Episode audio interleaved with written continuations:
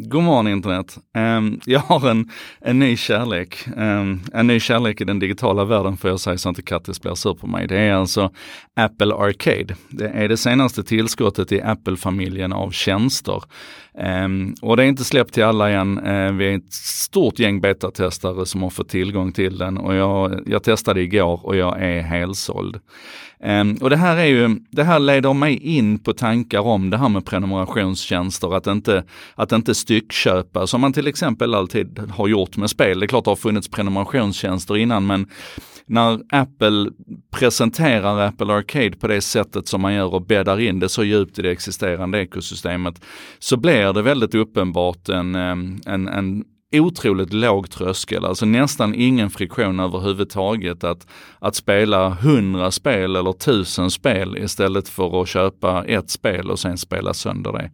Och de här prenumerationstjänsterna de påverkar ju hela ekosystem. Och jag har pratat väldigt mycket om det här i en sak idag tidigare. Jag ska, jag ska bara säga, förlåt, jag ska bara säga om Apple Arcade. Det är alltså, det är i regel inte de allra största och mest fancy spelen utan det är någonting som är tänkt egentligen att utgöra en grogrund för de här lite mer indie-betonade spelen. Alltså spel som är lite lite enklare, eh, mycket mer charmiga skulle jag säga. Och då betalar du alltså på svenska 59 kronor i månaden och så får du tillgång till hela den här katalogen.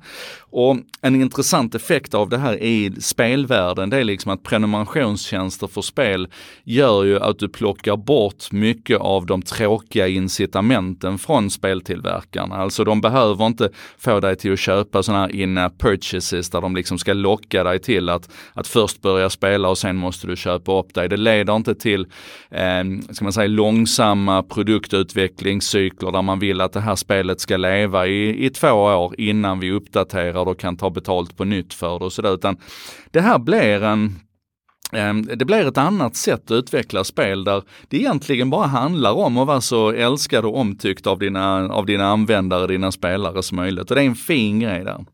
Men Apple Arcade åt sidan, för jag är ju inte spelkillen egentligen, utan jag bara försöker lära av det jag ser hända här. Och det är ju den här dragningen mot prenumerationstjänster.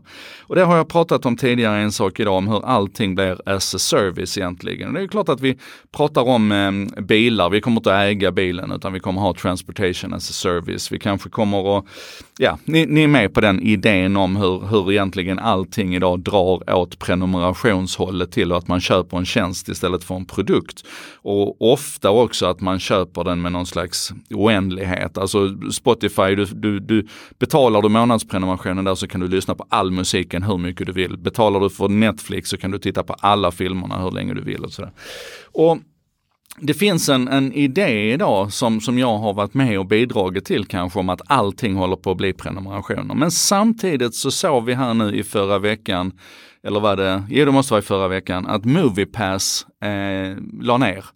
En, en tjänst i USA som försökte göra en prenumeration av biobesöket. Så du skulle alltså betala en fast avgift varje månad och sen fick du i praktiken då gå på hur många filmer du ville. Eller i teorin hur många filmer du ville, i praktiken en om dagen. De har ju hållit på att laborera med det här.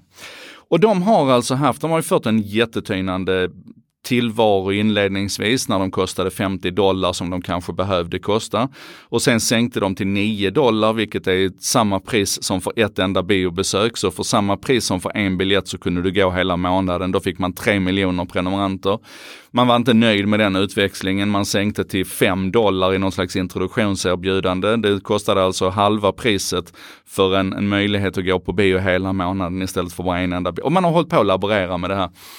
Och, och, nu har man då lagt ner, det här funkar alltså inte. Det är inte säkert att det är slutet på bioprenumerationer för att en del av de här stora distributörerna och biokedjorna tittar på egna lösningar för det här.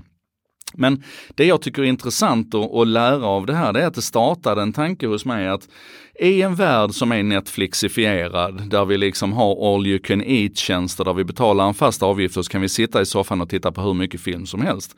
Så var kanske biobesökets uppsida någon slags scarcity, alltså det var lite, det, det krävdes lite mer, det var lite högre friktion, det var lite mer mer värt. Du fick satsa lite mer och verkligen fundera på vilka pengar ska jag lägga på de filmerna som jag verkligen vill se och vem ska jag gå och se dem och så vidare. Att biobesöket kanske inte är en commodity. Och då kanske det är så här, i förlängningen att vi upptäcker att det finns en del tjänster som inte är lämpade för prenumerationer. Inte för att det inte går att göra. Jag menar det fanns massor med skäl till att Moviepass misslyckades för att de köpte ju biljetterna till fullpris sen egentligen ifrån biograferna. Och så. så att, hur många skäl som helst till att Moviepass i praktiken misslyckades.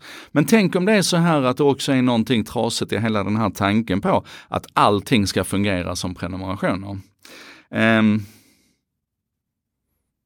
jag älskar ju mat till exempel.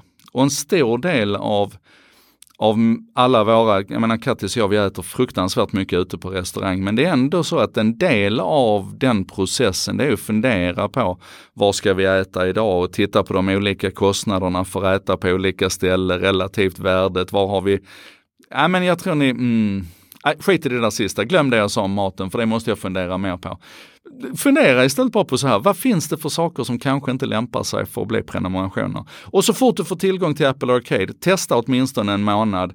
Eh, som sagt, jag är ingen gamer, men jäklar vilka härliga mysiga spel det är där och, och jag tror det här kommer bli en storsäljare för Apple. Det här var en sak idag. Mig, Joakim Jardenberg. Eh, vi ses igen imorgon.